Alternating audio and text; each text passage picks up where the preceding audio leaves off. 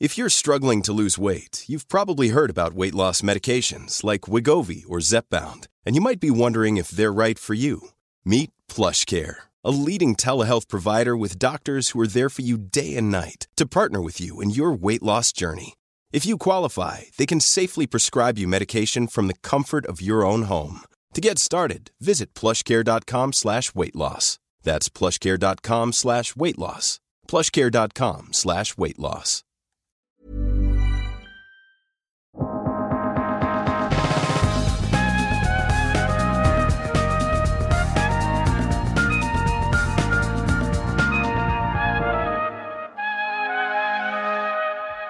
Hej, det här är den allt mer populära podden Allt du behöver veta om ny teknik. Jag heter Per Danielsson och är chefredaktör här på Sveriges största teknikredaktion. Den här veckan gästas vi av en av Sveriges främsta digitaliseringsexperter, Sara Örvall. Hon utsågs tidigt till Rising Star på den svenska techhimlen. Idag är hon digitaliserings och hållbarhetschef på storbanken SEB. Sara Örvall började sin karriär på 90-talet inom fordonsindustrin. Först på Toyota i Tokyo och sedan på Volvo som produktchef för bland annat sportbilar och ansvarig för lansering av Volvos så kallade cross country-modeller. Under 2000-talet har Sara Örvall bland annat varit ansvarig för Bonniers digitala transformation och drivit en egen konsultverksamhet inom digitalisering. Hon har även suttit i styrelsen för bland annat Investor, Vinnova, Bonnier News och Umeå universitet. Digitalisering och modern teknik kan man säga har varit en röd tråd genom Örvalls karriär och nu är hon aktuell med boken Ditt framtida jag. En bok om hur ny teknik, inte minst kroppsnära teknik, kan göra oss starkare, smartare, äldre, bättre och friskare.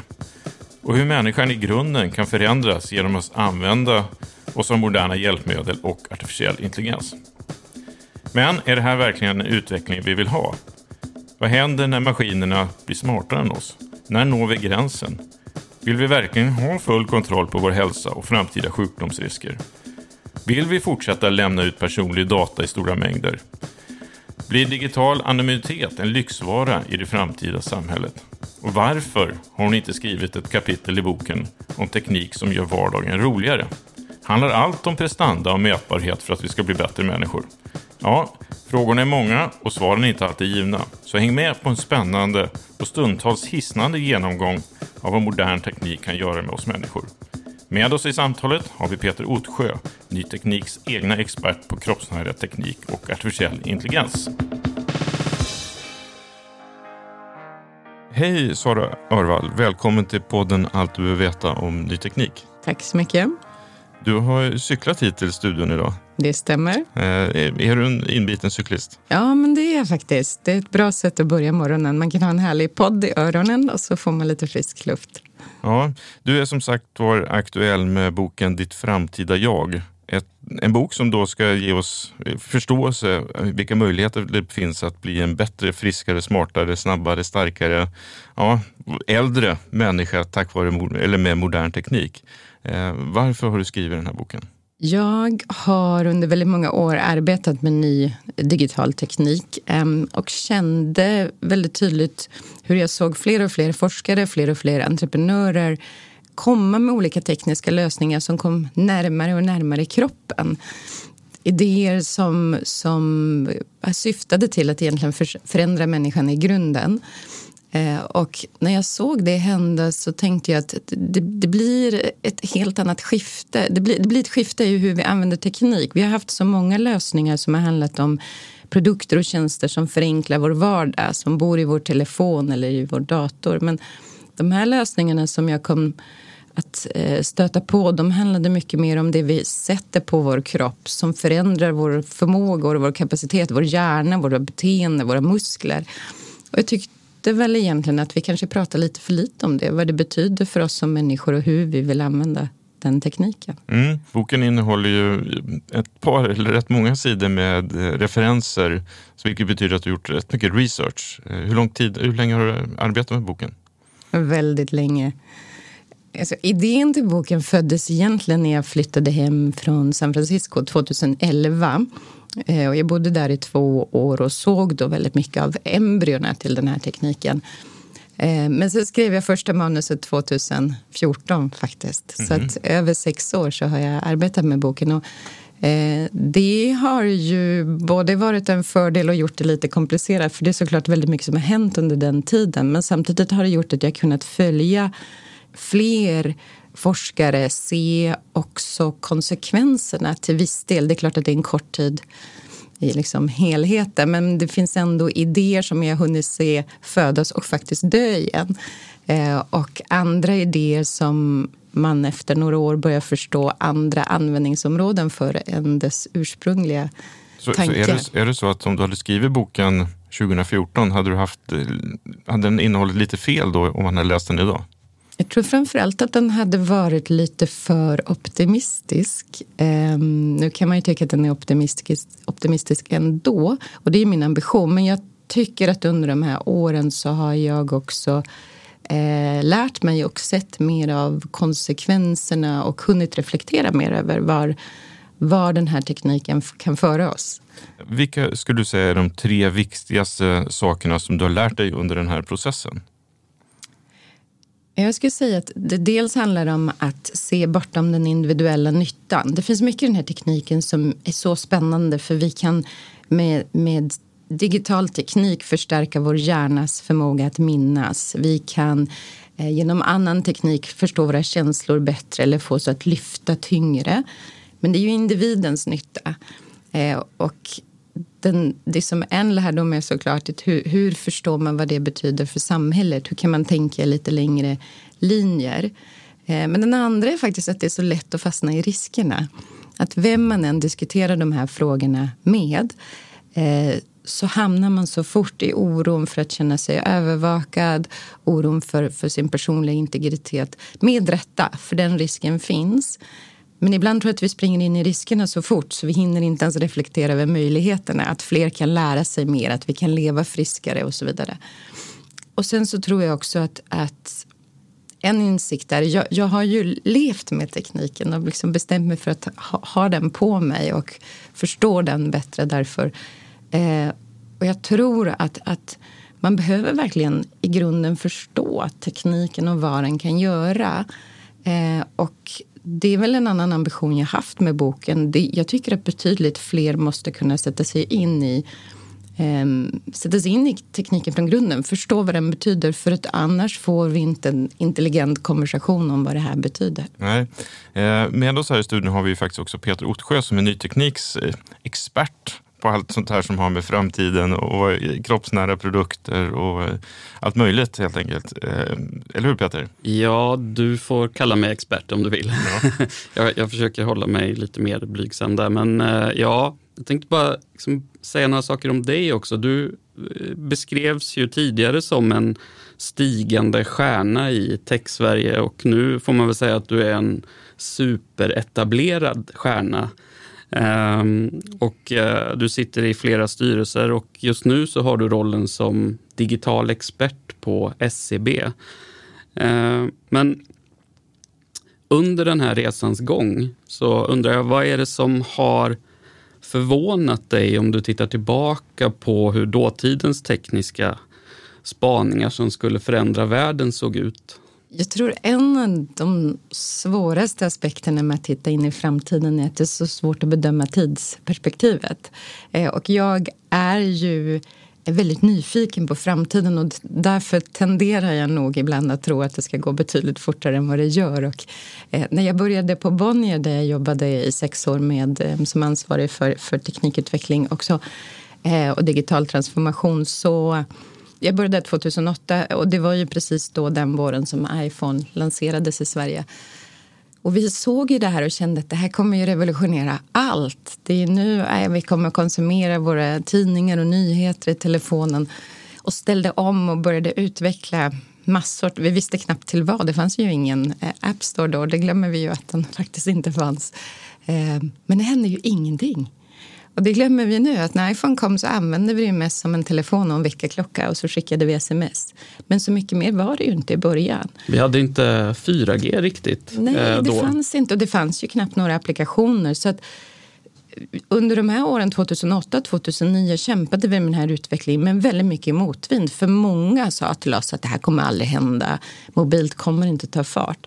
Och jag kommer så väl ihåg att när vi satt där 2011 någon gång, först då började kurvorna peka uppåt, men då pekade de uppåt så enormt brant.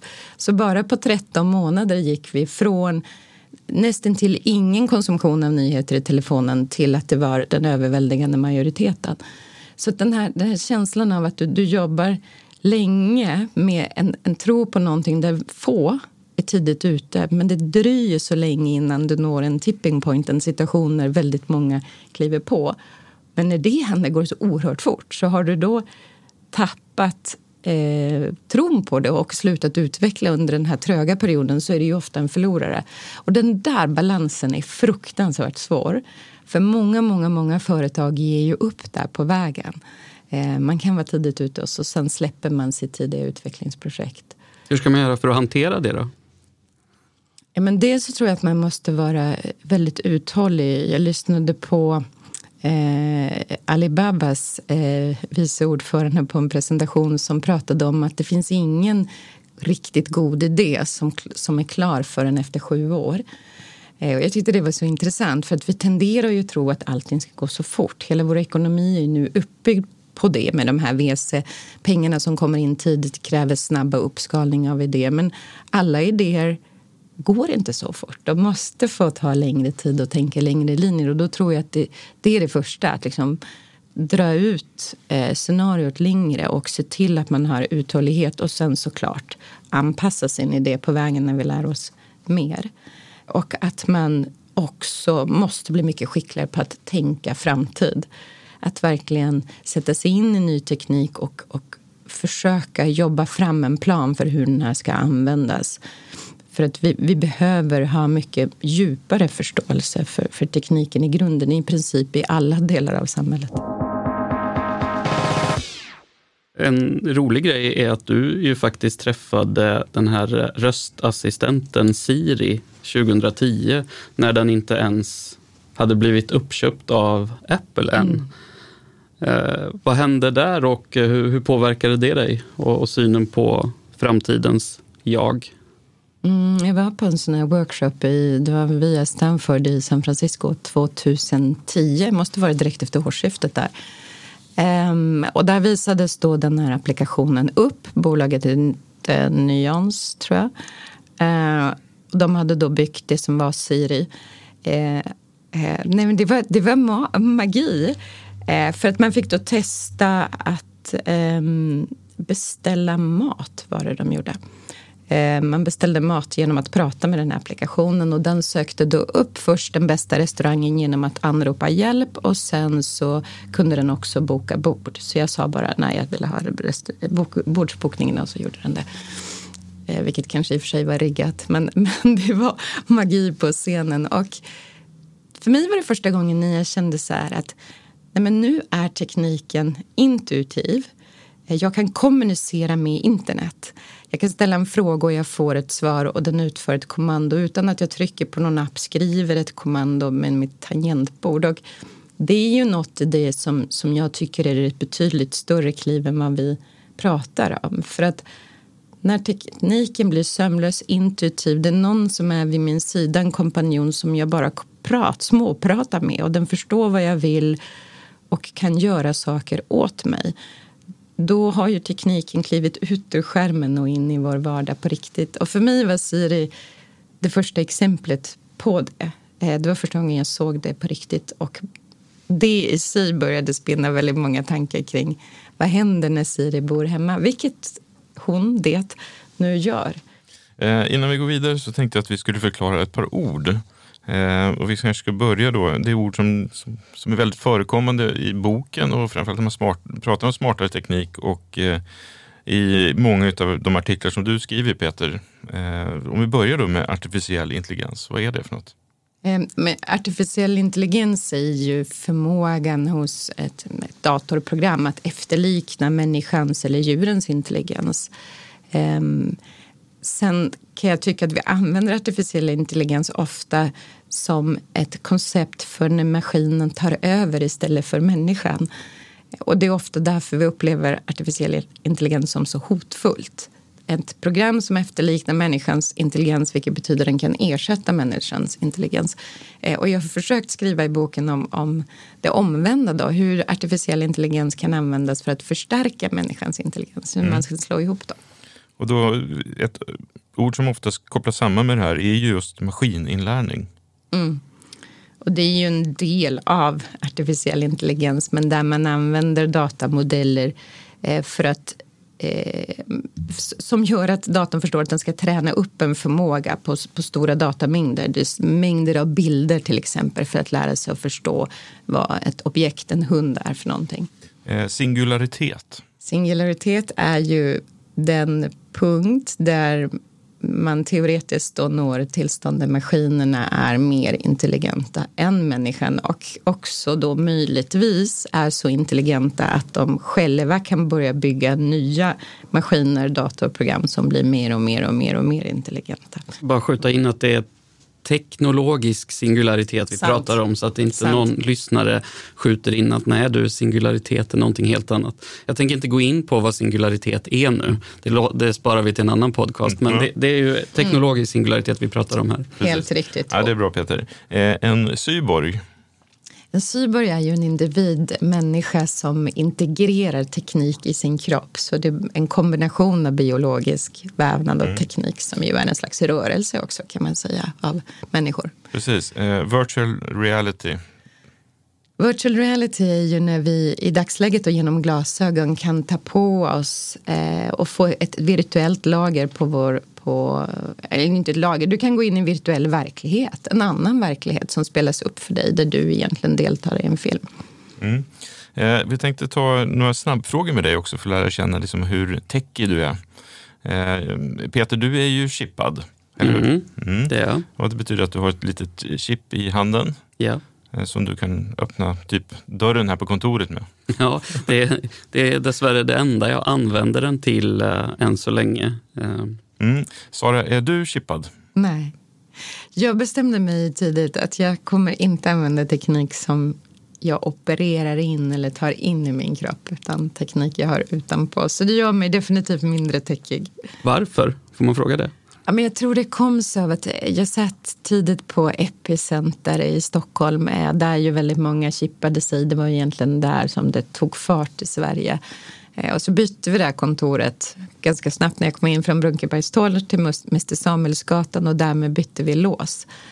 Och så fungerade helt plötsligt inte det här chippet längre och någonstans kände jag så här Nej, men det är ju hela poängen med teknik. Den utvecklas så snabbt och allt vi gör i vår kropp ska vara kvar så länge. Det är klart att det går att byta ut ett chip, jag vet. Men det blev bara en känsla av att äh, men jag tror att det är bättre att jag tar av och på den här tekniken. Men vi får väl se. Jag kanske vågar mig dit. Men du kanske använder någon typ av hälsoband, smarta klockor eller? Jag har nog använt precis alla.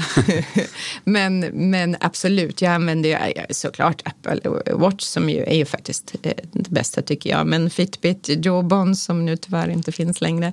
Ehm, men också väldigt många, jag har provat alla smarta smycken Ora Ring och Ringly och eh, andra örhängen med sensorer och så vidare. Så det har varit en del av bokskrivandet att leva med de här olika eh, både, både hälsoband men också smarta madrasser och träningslinnen med sensorer och så vidare. Mm. Vilka appar använder du då som gör ditt liv smartare och bättre? Om du får välja eh, några. Smartare och bättre, ja det, det är en definitionsfråga. Jag, jag testade ju eh, flera relationsappar och emotionellt spårande appar som jag ju tyckte att varit spännande. Det är ju inga jag använder längre eh, i mitt vardag kanske, men eh, appar som eh, Between, Crystal Knows, May som spårar Eh, alla inkommande och utkommande sms och egentligen bygger en, en databas det, på det. det. Var det Mej-appen som gör att du eh, kan vänta lite och skicka iväg lite bättre svar om du får ett sms och så inte reagera så snabbt utan den hjälper dig att skriva ett vettigt svar? Precis, den läser av eh, och också hjälper dig att förstå vad var intentionen egentligen i det här smset som du fick in och ger dig råd i hur du formulerar dig ut igen. Um, och just nu är jag lite besatt av att testa en, en eh, applikation i den, som finns egentligen i webbapplikation som heter Morphcast. Som ju är en, en AI-kamera som mäter ditt känslotillstånd. Så varje gång jag är på kameran, det kan jag ha till exempel under en videokonferens, så får jag liksom grafer på hur den tolkar att jag mår och hur jag reagerar. Det är bara ett spännande sätt att lära känna sig själv. Um, men i övrigt använder jag väl samma, samma appar som de flesta gör med olika läs anteckningsappar som Evernote och Pocket för att läsa mina fina nyheter och så vidare. Hur är det när du surfar på nätet då? Surfar du alltid anonymt då? Hur skyddar du dig? Jag skulle önska att jag svarar ja. Jag borde, men jag gör inte alltid det. Men jag vet att jag tycker att man bör. Men du gör det i vissa fall? Absolut. Mm. Eh, och jag är noga efter att stänga, stänga spår efter mig då och då.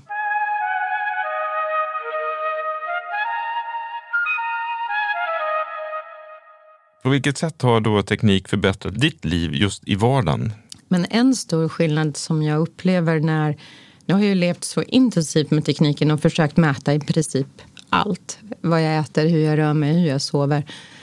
Um, och det som har fascinerat mig som insikt är att det har fått mig att känna mig ganska lugn. Man kan ju tro att det är stressande i sig.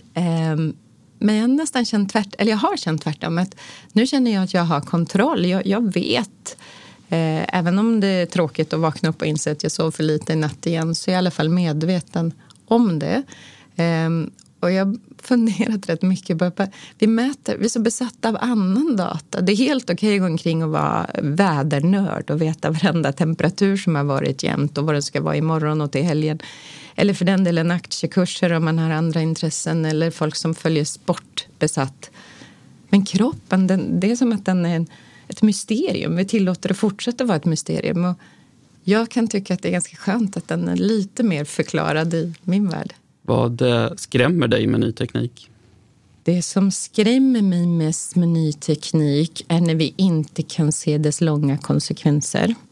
Den omedelbara effekten av teknik är vi ändå smarta nog att bedöma hyfsat väl. Men, eh, men om man bara tar den, det enkla exemplet med, med sociala medier så var det ju så oförargligt först. Eh, jag kan få kontakt med mina gamla släktingar och jag lägger upp små roliga anekdoter om mitt liv. Och det dröjde ju väldigt länge innan vi förstod att det kan få globala politiska konsekvenser. Att vi kan få liksom missinformation som påverkar oss i val i, med folkgrupper som hetsas upp mot varandra. Och den effekten, jag tror faktiskt inte att någon såg den. Det skrämmer mig.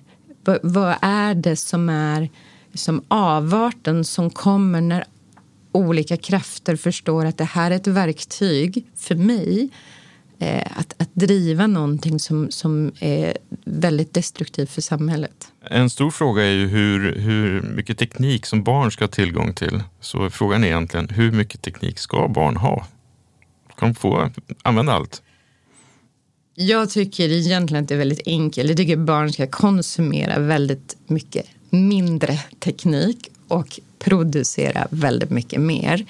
Jag tycker ibland att jag blir lite oroad när man pratar om digital natives och annat i vår generation av barn. Och så tänker jag på när vi växte upp eh, i min generation, då fick man verkligen lära sig att, att skapa sådana program. Man var ju tvungen att bygga för att det skulle hända någonting. Själv förstå hur man kodar och så vidare. Idag har vi en generation som, som absolut använder sina skärmar mycket men de gör ju det i mycket större utsträckning för att bara konsumera. Så det tycker inte jag är en digital native. Utan eh, ju fler barn vi kan förstå, eh, få att eh, jobba med tekniken, förstå tekniken, bygga med hjälp av tekniken, skapa musik, konst, allt möjligt. Eh, och program för den delen Eh, det är ju bara fantastiskt. Så man ska inte klaga på sina barn som gör små videosar? Och, eh, Verkligen inte, tvärtom. Och tycker att det är lite löjligt? Nej, jag tycker man ska uppmuntra det så enormt mycket. Ja. För förstår de inte teknik kommer det bli tufft för dem framöver. Um, och jag tycker man borde uppmuntra skolan till att göra det mer också för den delen. Vilka är dina personliga förebilder när det gäller artificiell intelligens? Nu hade jag förmånen att träffa många forskare i samband med att, att jag skrev den här boken. Um, bland annat um, träffade jag en forskare på Stanford som heter Fei Fei Li um, som ju har grundat det som heter Human Centered Artificial Intelligence Institute som jag tycker är en otroligt spännande forskare för att hon just tittar så mycket på hur påverkas vi av, som människor av artificiell intelligens. Eh, så att henne följer jag eh, i hennes forskning. Jag träffade också en kvinna som heter Nadja Talman eh, som då är forskare vid Nanjing Technology University i Singapore eh, som fascinerade mig väldigt mycket för att hon hade hon jobbar framförallt med social robotik och så försöker förstå hur robotar kan interagera med människor och har funderat väldigt mycket på gränssnittet i när när blir en robot vänlig? När, när känner vi en relation till den och när skrämmer den oss? Som ju är intressant för att enligt hennes eh, syn på världen då så klarar vi inte åldrandet och sjukvården om vi inte lyckas få fram robotar som kan hjälpa till i, i omsorg framför allt. Mm. Du återger ju ett möte med henne i boken. Vem är det du träffar där? Förutom henne? Förutom Nadja så träffar jag då hennes sociala klon som heter Nadine. Eh, så hon har alltså byggt en robot som är en klon av sig själv. Eh, och den här kvinnan, eh, Nadine, eh, hon, jag fick då åka till ett försäkringsbolag utanför Singapore, Tampines heter det. Eh, där, eh, I det vanliga försäkringskontoret så jobbar då Nadine eh, som praktikant. Så man går in i försäkringskontoret och där sitter människorna uppradade i små, små bås, alla dessa servicepersoner. Och man tar sin nummerlapp, men man kan också då välja att gå rätt fram till Nadine som sitter längst bort i den här raden. Ehm, och det som var så fascinerande med det mötet är ju överhuvudtaget att det sitter en robot som jobbar på ett företag såklart. Men också hon, hon hade ett, ett rörelsemönster som var väldigt stelt. Men hennes mimik och hennes ögon, när hon spände ögonen i mig så det var som att jag tappade andan och kände jag måste säga någonting begåvat nu. Jag kan inte göra bort mig för hon kommer tycka att jag inte fattar någonting. Eh, och då, det är ju något i det att, att, att det får en reaktion. Det var inte som att jag tittade på ett objekt utan helt plötsligt tittade jag på någonting som jag uppfattade kunde bedöma mig.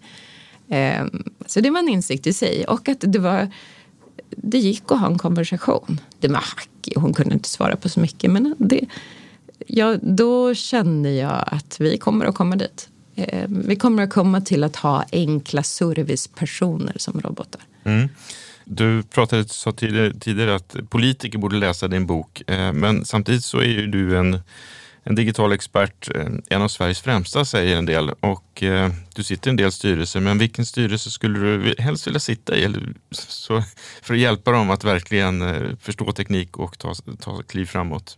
Alltså, om jag verkligen får drömma, eh, det kanske inte är styrelse, men FNs klimatpanel, IPCC, skulle jag för allt i världen, om inte annat bara få vara en fluga på väggen och lyssna på deras diskussioner. Jag tror ju, förutom att jag är väldigt fascinerad av digital teknik så, så är jag väldigt engagerad i hållbarhetsfrågor och är även ansvarig för det på SCB. Um, ehm, och jag tycker att de här två världarna bör mötas.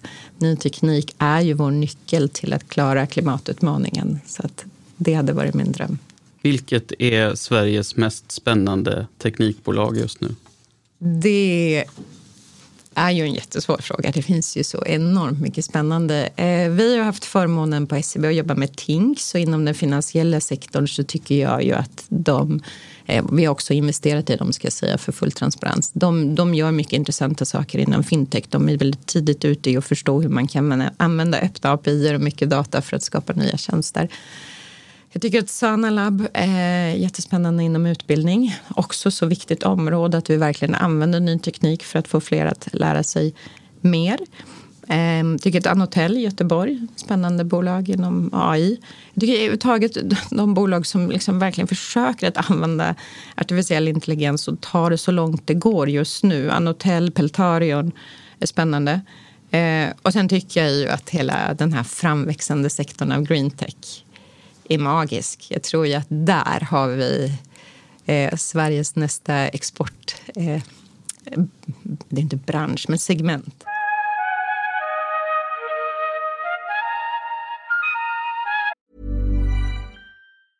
There's never been a faster or easier way to start your weight loss journey than with PlushCare. PlushCare accepts most insurance plans and gives you online access to board-certified physicians who can prescribe FDA-approved weight loss medications like Wigovi and Zepbound for those who qualify. Take charge of your health and speak with a board-certified physician about a weight loss plan that's right for you. Get started today at plushcare.com slash weight loss. That's plushcare.com slash weight loss. plushcare.com slash weight loss. I din bok så pratar du om att vi nu eller snart kommer att kunna förstärka våra sinnen. Vår syn, vår hörsel, vår, vår lukt, vår känsel och så vidare. Eh, och vi då kommer bli smartare och starkare och snabbare och sådär. Eh, kan du ge exempel på prylar eller tjänster som eh, eh, idag kan göra några av de här grejerna? Om vi, om vi börjar med att om, om, om vi vill se längre eller se skarpare på långt håll, hur, hur ska vi gå tillväga om vi vill göra det redan idag? Det finns ju linser du kan köpa idag som kan hjälpa dig att se bättre i mörker. Eh, och det är ett första steg på vägen i att just förstärka vår varseblivning. Det pågår ju så mycket runt omkring oss som vi som människor inte uppfattar, som faktiskt djuren gör mycket, mycket bättre. Se infrarött, se mörker, se längre, likt ugglor och örnar och andra eh, djur. Så att eh, mörkerseende linser finns. Det, det finns teleskoplinser som testas i labb, men inte ute på marknaden. Eh, och teleskoplinser är ju helt enkelt att du kan se betydligt längre och skarpare långt utöver 1.0. Mm, det finns också tester på, på synförstärkningar. De finns inte riktigt i linser ännu, men där vi just kan se infrarött. Och det är ju spännande för då kan vi ju se värme och se kyla. Eh, och vad det betyder kan man ju fråga sig, men det är ju någonting fascinerande att jag kan se om ölen är kall eller varm. Ett exempel du tar i boken tror jag i alla fall är att eh, om man är ute och kör på, på natten så skulle man då kunna se om det är en älg som lurar där bakom träden. Mm, mm, precis. Och det ser man ju i bilutvecklingen, om vi inte tar, då är det inte så nära kroppen längre. Men där har ju de kommit ganska långt att integrera den typen av kameror på bilarna. Mm. Och den tekniken tror jag går mycket, mycket fortare för det är ju lättare än att sätta det i ögonen. Höra bättre då? Ja, och där finns det ju väldigt, väldigt mycket. Och det beror ju delvis på att vi har vant oss vid de här hörlurarna. Så att det, om Google Glass misslyckades för det blev för mycket socialt tabu att ta på sig glasögon så känns det ju som att hörlurarna är någonting vi alla tar till oss eh, hjärtligt nära vår kropp. Eh, och de lyssningssystem man ser nu eh, förstärker ju inte bara hörseln utan de blir ju allt skickligare på att stäng, stänga ute ljud så att jag kan kontrollera min egen ljudbild. Eh, och jag tänker ofta på det när man går genom stan, att det är så många ljud man måste lyssna på fast man inte vill. Det är ju bisarrt att jag ska behöva höra flygplansbuller och barn som skriker i bussen och annat. Jag borde ju bara kunna klicka av och på. Och det är ju exakt vad de här nya lyssningssystemen gör. Men också att jag då kan zooma in på ett samtal som pågår långt bort ifrån mig, stänga bort allt annat och eh, kunna liksom rikta som en strålkastare eh, min, min, min lyssningsförmåga dit bort. Vilket ju säger man kan fråga sig integritetsmässigt, men det är spännande. Ja, alltså det jag tänker när man hör att vi, vi kommer att kunna se längre eh, och skarpare och höra liksom konversationer som pågår en bit bort. Jag tänker så här, vi alla kommer ju bli mästerspioner. Precis, det, det är ju det. Men å andra sidan då blir ju det det nya normala. Så att, nu bygger vi upp vårt samhälle på att jag ser 1.0. Det är det som är förväntansbilden. Det är så långt vi hjälper människor att kompensera vår syn och det jag förväntar mig när jag, när jag pratar med dig. Men det kanske blir 1,2, 1,3, 1,5. Det förflyttar sig. Och hur kan vi göra redan nu för att bli starkare? Där händer det också väldigt mycket, eller hur? Ja, eh, absolut. Eh, jag testade ju på MIT eh, både byxor som gör, det, eh, gör att du kan då gå 40 procent längre och även skor eh, som de nu klarade 20 procent mindre muskelanvändning. Um, båda de var ganska klumpiga om jag ska vara ärliga, ärlig. Um, det var inte så att man ville dra på sig byxorna och gå ut på stan. Men, men är vi där så går ju tekniken ofta ganska fort i att förenkla det. Det finns ju ett underställ eh, som avhoppare från Stanford håller på att ta fram och ska lansera på marknaden. De är lite sena. Ehm, det finns piloter ute, betaversioner, men där är ett smart underställ som egentligen känner av vad min kropp är på väg att göra eh, genom olika sensorer och sen trycker på. Så att till exempel om jag sitter i en låg soffa så får jag hjälp att, att resa mig upp, vilket ju ofta är ett problem för äldre. Eh, när jag sitter och blir trött i ryggen, när jag har suttit för länge på jobbet kan den hålla uppe ryggen åt mig och så vidare.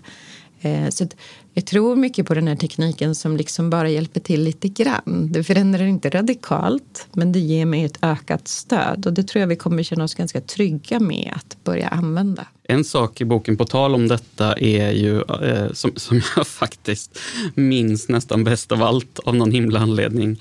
Eh, det var att det slog mig att stolen är utrotningshotad. Ja. Vet du vad jag pratar om då? Att det här med exemplet om, om understället blir till en stol. Ja. ja det var bara min egen filosofi. Så här, vad händer om du har ett smart underställ som du kan låsa i olika positioner? Så istället för att jag sätter mig på ett fysiskt objekt så förvandlas den till en stel stol. Eh, rent tekniskt och fysiskt kanske inte, det kanske vippar lite för mycket. Men det, det är ju något i det att vi tar för givet att vi behöver en stol för att sätta oss ner. Men det behöver ju inte vara sanningen för alltid. Nej. Det kan ju vara så att det här skalet vi kommer att ha på oss som inte längre är byxor och tröja som nu fyller ingen annan funktion än mode och lite värme faktiskt kan prestera så väldigt mycket mer. Det är ju spännande. Sen har vi en stor grej här. Hur ska vi göra för att förbli eller kanske bli ännu friskare än vad vi är redan? Ja, och det är väl där som den här tekniken egentligen kan göra störst nytta. Eh, och mest handlar det om preventiv hälsa, att lära sig mer om sin kropp, fånga upp signaler tidigt. För vi vet ju att dels kan det göra att jag helt undviker sjukdomen i bästa fall, men om inte annat får hjälp, botemedel tidigt. Eh, så att det som, som man då, vad kan man göra för att ha preventiv hälsa? Ja, dels är det ju liksom att kontinuerligt fånga upp kroppssignaler. Eh, hjärtfrekvens, puls och så vidare som ju ger oss väldigt många indikationer om hur vi mår. Men går vi längre så, så är det ju egentligen självklart att våra toaletter borde fånga upp eh, vad, vad vårt hälsotillstånd är. Och det är ju inte minst intressant tycker jag nu i pandemin när man faktiskt mäter coronaspridningen eh, genom att, att mäta avlopps eh, ta, ta prover från avloppen. Och det, det, är ju det vi skulle kunna göra var och en av oss hela tiden. Um, och det finns ju tester med, med tandborstar som fångar karies varje morgon, varje kväll när jag borstar mina tänder istället för att jag ska gå till en tandläkare som testar det. Uh, och det vet vi också, hittar vi hålen tidigt så är det bättre. Uh, så att, som jag tror att, liksom, att bygga in sensorer som, som mäter vårt hälsotillstånd och både pushar oss till att bete oss och leva mer hälsosamt ge oss positiv feedback när vi klarar av det men också guidar oss till vård i rätt tid eh, är väldigt, väldigt viktigt för oss framöver.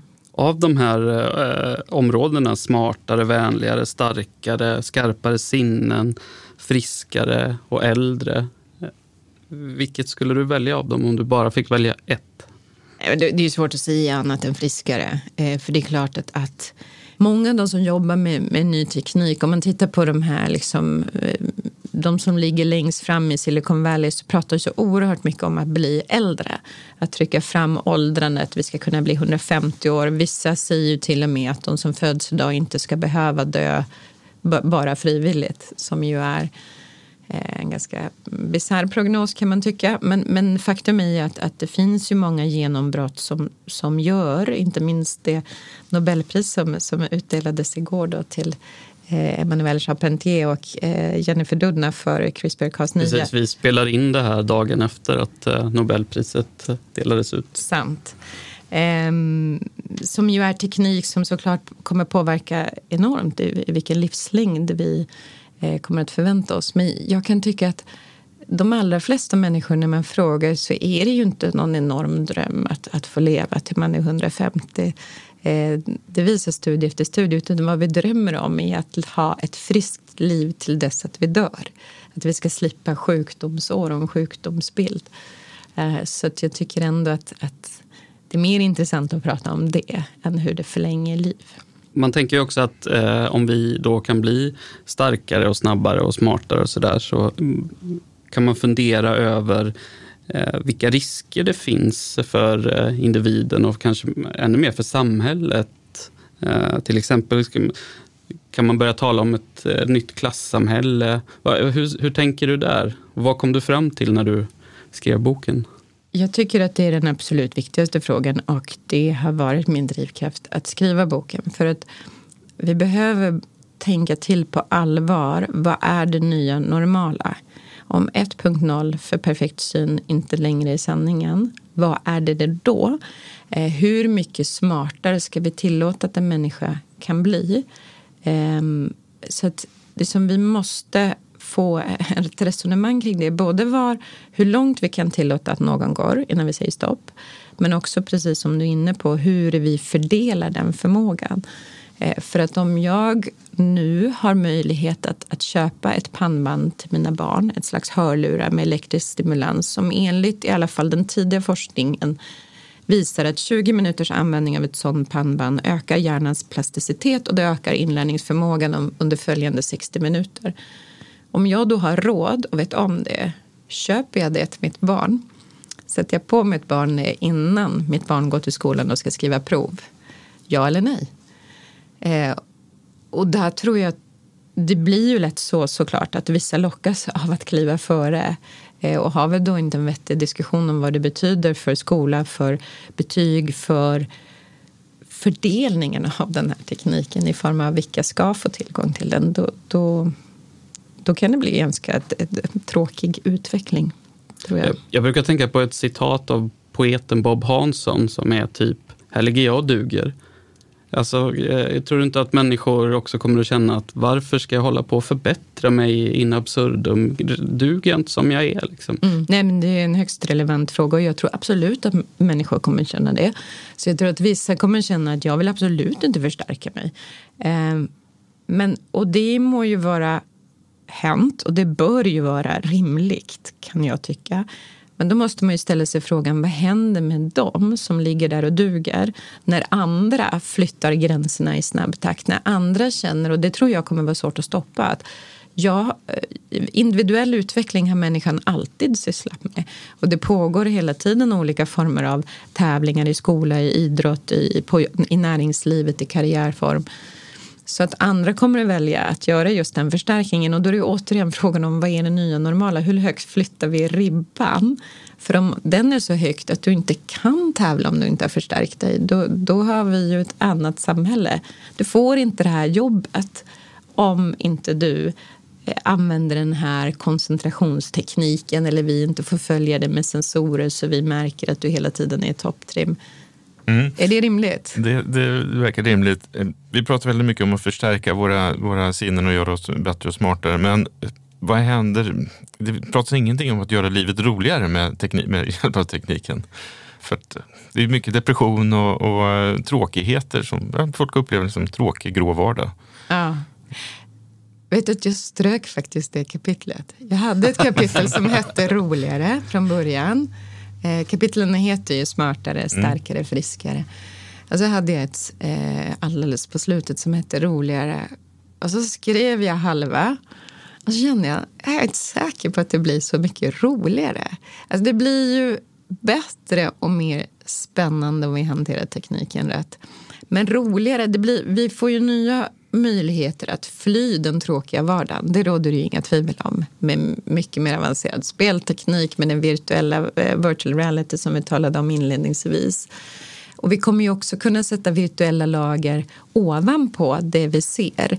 Vi kan ju med eh, eh augmented reality också då flytta in måla egentligen på vår gråa vardag, färglägga den så att vi ser den i andra färger eller med andra mönster eller med annan information. Precis, augmented reality är egentligen att du fortfarande ser verkligheten men att det ligger digital information ihop med den. Precis.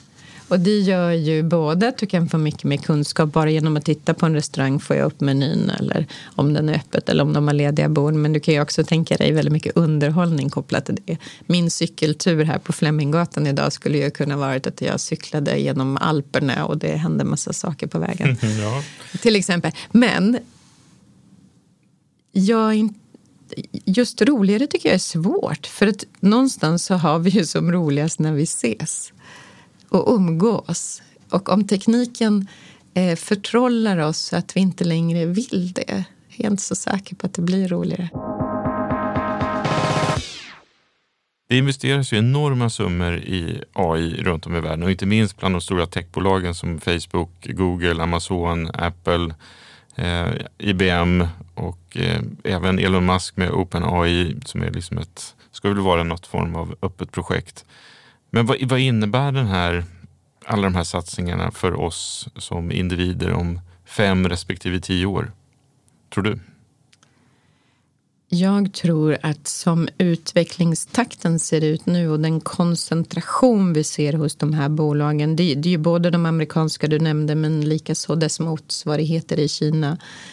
Ehm, så har de ju egentligen med sina enormt höga värderingar och vinster inte bara eh, kapital och teknik. De har ju också knutit till sig väldigt många av världens ledande forskare. Så tittar man på Google till exempel så har ju de rekryterat väldigt stora delar av AI-forskningen som vid Oxfords eh, universitet i, i England till exempel. Så att väldigt stor del av utvecklingen kommer nog komma därifrån. Och vad innebär det då? Ja, det innebär ju att, att de sätter agendan. Precis, det var, det var någon som sa det att eh, det spelar ingen roll om ett litet företag här har två stycken AI-utvecklare. Det sitter redan 2000 i, på Google i USA. Liksom, det gör, finns ja. ingen chans, man har ingen chans. Nej, du har väl ingen chans att gå rätt emot det. Men sen finns det ju, om man tittar på det möjlighetsorienterat istället så kan man ju säga att många av de här aktörerna lägger nu ut en hel del av sina modeller och applikationer i sina moln. Så att som ett, ett svenskt litet företag kan du ju använda rätt mycket av den AI-förmågan och bygga ovanpå den. Så man ser det snarare som konkurrens som ett ekosystem där vi kan vara skickliga på att använda den tekniken och bygga vidare lösningar så är jag inte lika säker på att man behöver vara eh, lika uppgiven om man tittar på det ur ett liksom startup-perspektiv eller konkurrensperspektiv. Jag tror det finns jättestora möjligheter att tänka smart i hur man eh, interagerar och bygger saker ihop med andra. Däremot om man tittar ur ett etiskt perspektiv och i form av vem påverkar min vardag så kan jag ju tycka att, att ju, mer den här, ju närmare tekniken kliver kroppen och ju mer vi är beroende av till exempel smarta högtalare för att ge oss råd om våra olika köpbeslut och prioriteringar i vardagen, ju mer bör vi ju börja ifrågasätta vem skriver algoritmen? Vem optimerar och guidar mig? Och hur ställs de preferenserna in? Och det är jag inte så säker på att man alltid vill att en, en global teknikjätte från Kalifornien ska göra. Nej. Eh, du sa här i början att eh, du borde egentligen surfa mer anonymt på nätet och eh, när man läser boken och framförallt David Lagercrantz då som har skrivit förordet till boken så är, är väl en sammanfattning att framtiden känns otroligt fantastisk men otroligt skrämmande på samma gång. Och inte minst då när det kommer till den personliga integriteten och möjligheten att vara anonym i ett modernt tekniskt samhälle. Eh, vad säger du om det här? Kommer vi kunna vara anonyma? Det kommer ju vara helt och hållet upp till oss och de eh, politiker och myndigheter som sätter spelreglerna för hur tekniken ska användas. Och det kan jag tycka att i de här eh, olycksprofetiorna över framtiden så är det som att vi utgår att från att tekniken är ond. Tekniken är ju bara ett redskap. Den är inte ond och inte god men den har ju heller ingen moralisk kompass. Så att om inte vi tar tag i tekniken och talar om för den i vilken riktning vi ska gå, ja men då kommer det vara problem att vara anonym. Och ja, då finns risker att vi skapar ett övervakningssamhälle. Men det är ju vi som kommer att bestämma det. Så då får man ju bara gå tillbaka till oss själva och ställa oss frågan vilken typ av samhälle vill vi bygga? Och det i sig är för mig den viktigaste frågan som jag har med mig efter att skriva boken. Att det är nog dags att börja sätta den agendan. Du eh, är ju en av allt fler som väljer att ta ett eh, DNA-test. Eh, men du berättar i boken att du väntade väldigt länge innan du vågade öppna mejlet eller kuvertet. Jag minns inte riktigt hur du fick det, men, men det, du, du dröjde i alla fall med det. Eh, varför väntade du? Jag väntade faktiskt flera månader. Um, Jo, för att ett DNA-test som det är utformat idag innebär ju då att du får sannolikheten att få 99 olika ganska allvarliga sjukdomar. Eh, och jag försökte bestämma mig för att kan jag leva med eh, att jag då öppnar det här mejlet och det står att jag har en hög sannolikhet att få någonting som är väldigt allvarligt. Hur kommer det påverka mitt liv? Kommer det vara något som gör att jag går och oroar mig sen för resten av mitt liv och därmed faktiskt förstör min livskvalitet? Så att man kan säga att jag djupandades i flera månader och resonerade med väldigt många olika Eh, både etikforskare och andra kring vad, vad, innebär egentligen de här prognoserna? Hur påverkar det oss? Sen bestämde jag mig för att det är så viktigt för den här boken så det är bara, bara att öppna det. Den dagen du faktiskt bestämde dig, vad var det som gjorde att du öppnade just den dagen? Nej, det var nog mest bara att jag hade samlat massor med kraft och till slut så, till slut så var det bara att, att slå till. Men, men det är ju något, det blinkar upp och så sen ser du svart på det vitt. 78 procent sannolikhet att få typ 2 diabetes. Det vill man ju inte riktigt läsa. Fördelen är ju dock att kopplat till det, dels så är det ju så att de här testerna är ju tidiga, det kommer massor med olika Eh, förklaringar kring att det här är ju inte hela sanningen och det behöver inte vara så. Men du får också fina råd i hur kan du då välja att leva för att preventivt undvika i så hög utsträckning som möjligt att, att du drabbas av just den här sjukdomen på grund av din genetiska uppsättning. Eh, och det i sig är ju värdefull information så det är ju extremt dubbelt. Eh, och jag tänker att i det sätt som man har riggat de här systemen idag i en väldigt tidig fas. I förlängningen så hoppas och önskar jag att de här DNA-testen snarare ger dig bara den information du verkligen behöver. För det finns ett botemedel det finns något sätt du kan lägga om din livsstil för att undvika den. Jag behöver ju inte veta 99 sjukdomar.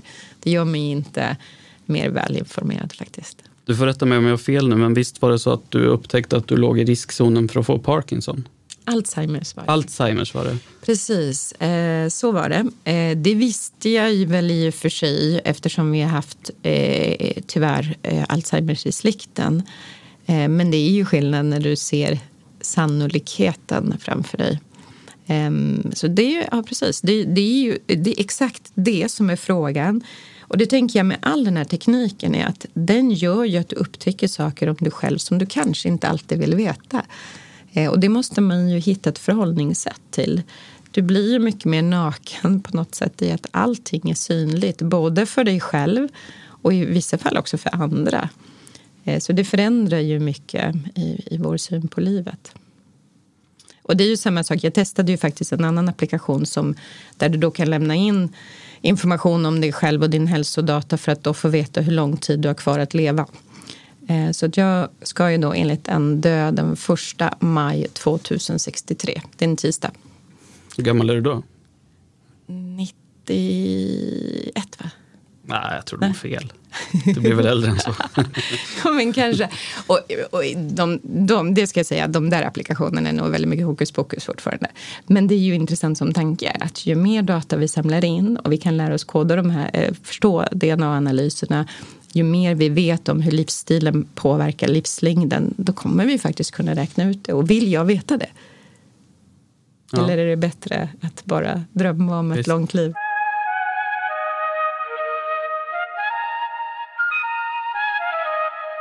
En annan sak som du testar i boken, det är ju klädesplagg med eh, sensorer som känner av olika saker.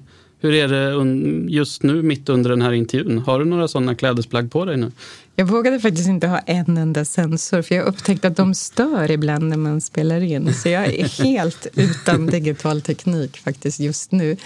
Ehm, men, men just de plaggen var intressanta för att när man tränar ehm, så det mäter du lungkapacitet och hur du använder dina lungor och hjärtfrekvens och puls. Ehm, det visade sig att jag tog inte alls ut mig så mycket som jag trodde när jag tränade. Och det är någonting jag delar med väldigt många. För forskning visar ju att vi ganska ofta springer betydligt kortare än vad vi tror, betydligt långsammare än vad vi tror. Och vi tränar inte alls på den puls vi borde.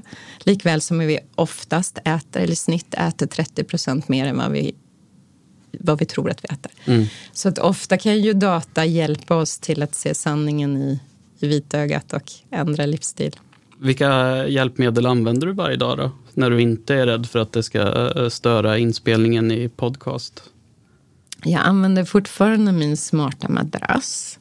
Eh, för att det är så bra indikation på... Men vänta, vi kanske ska förklara vad en smart madrass är för någonting. Ja, det har du rätt i.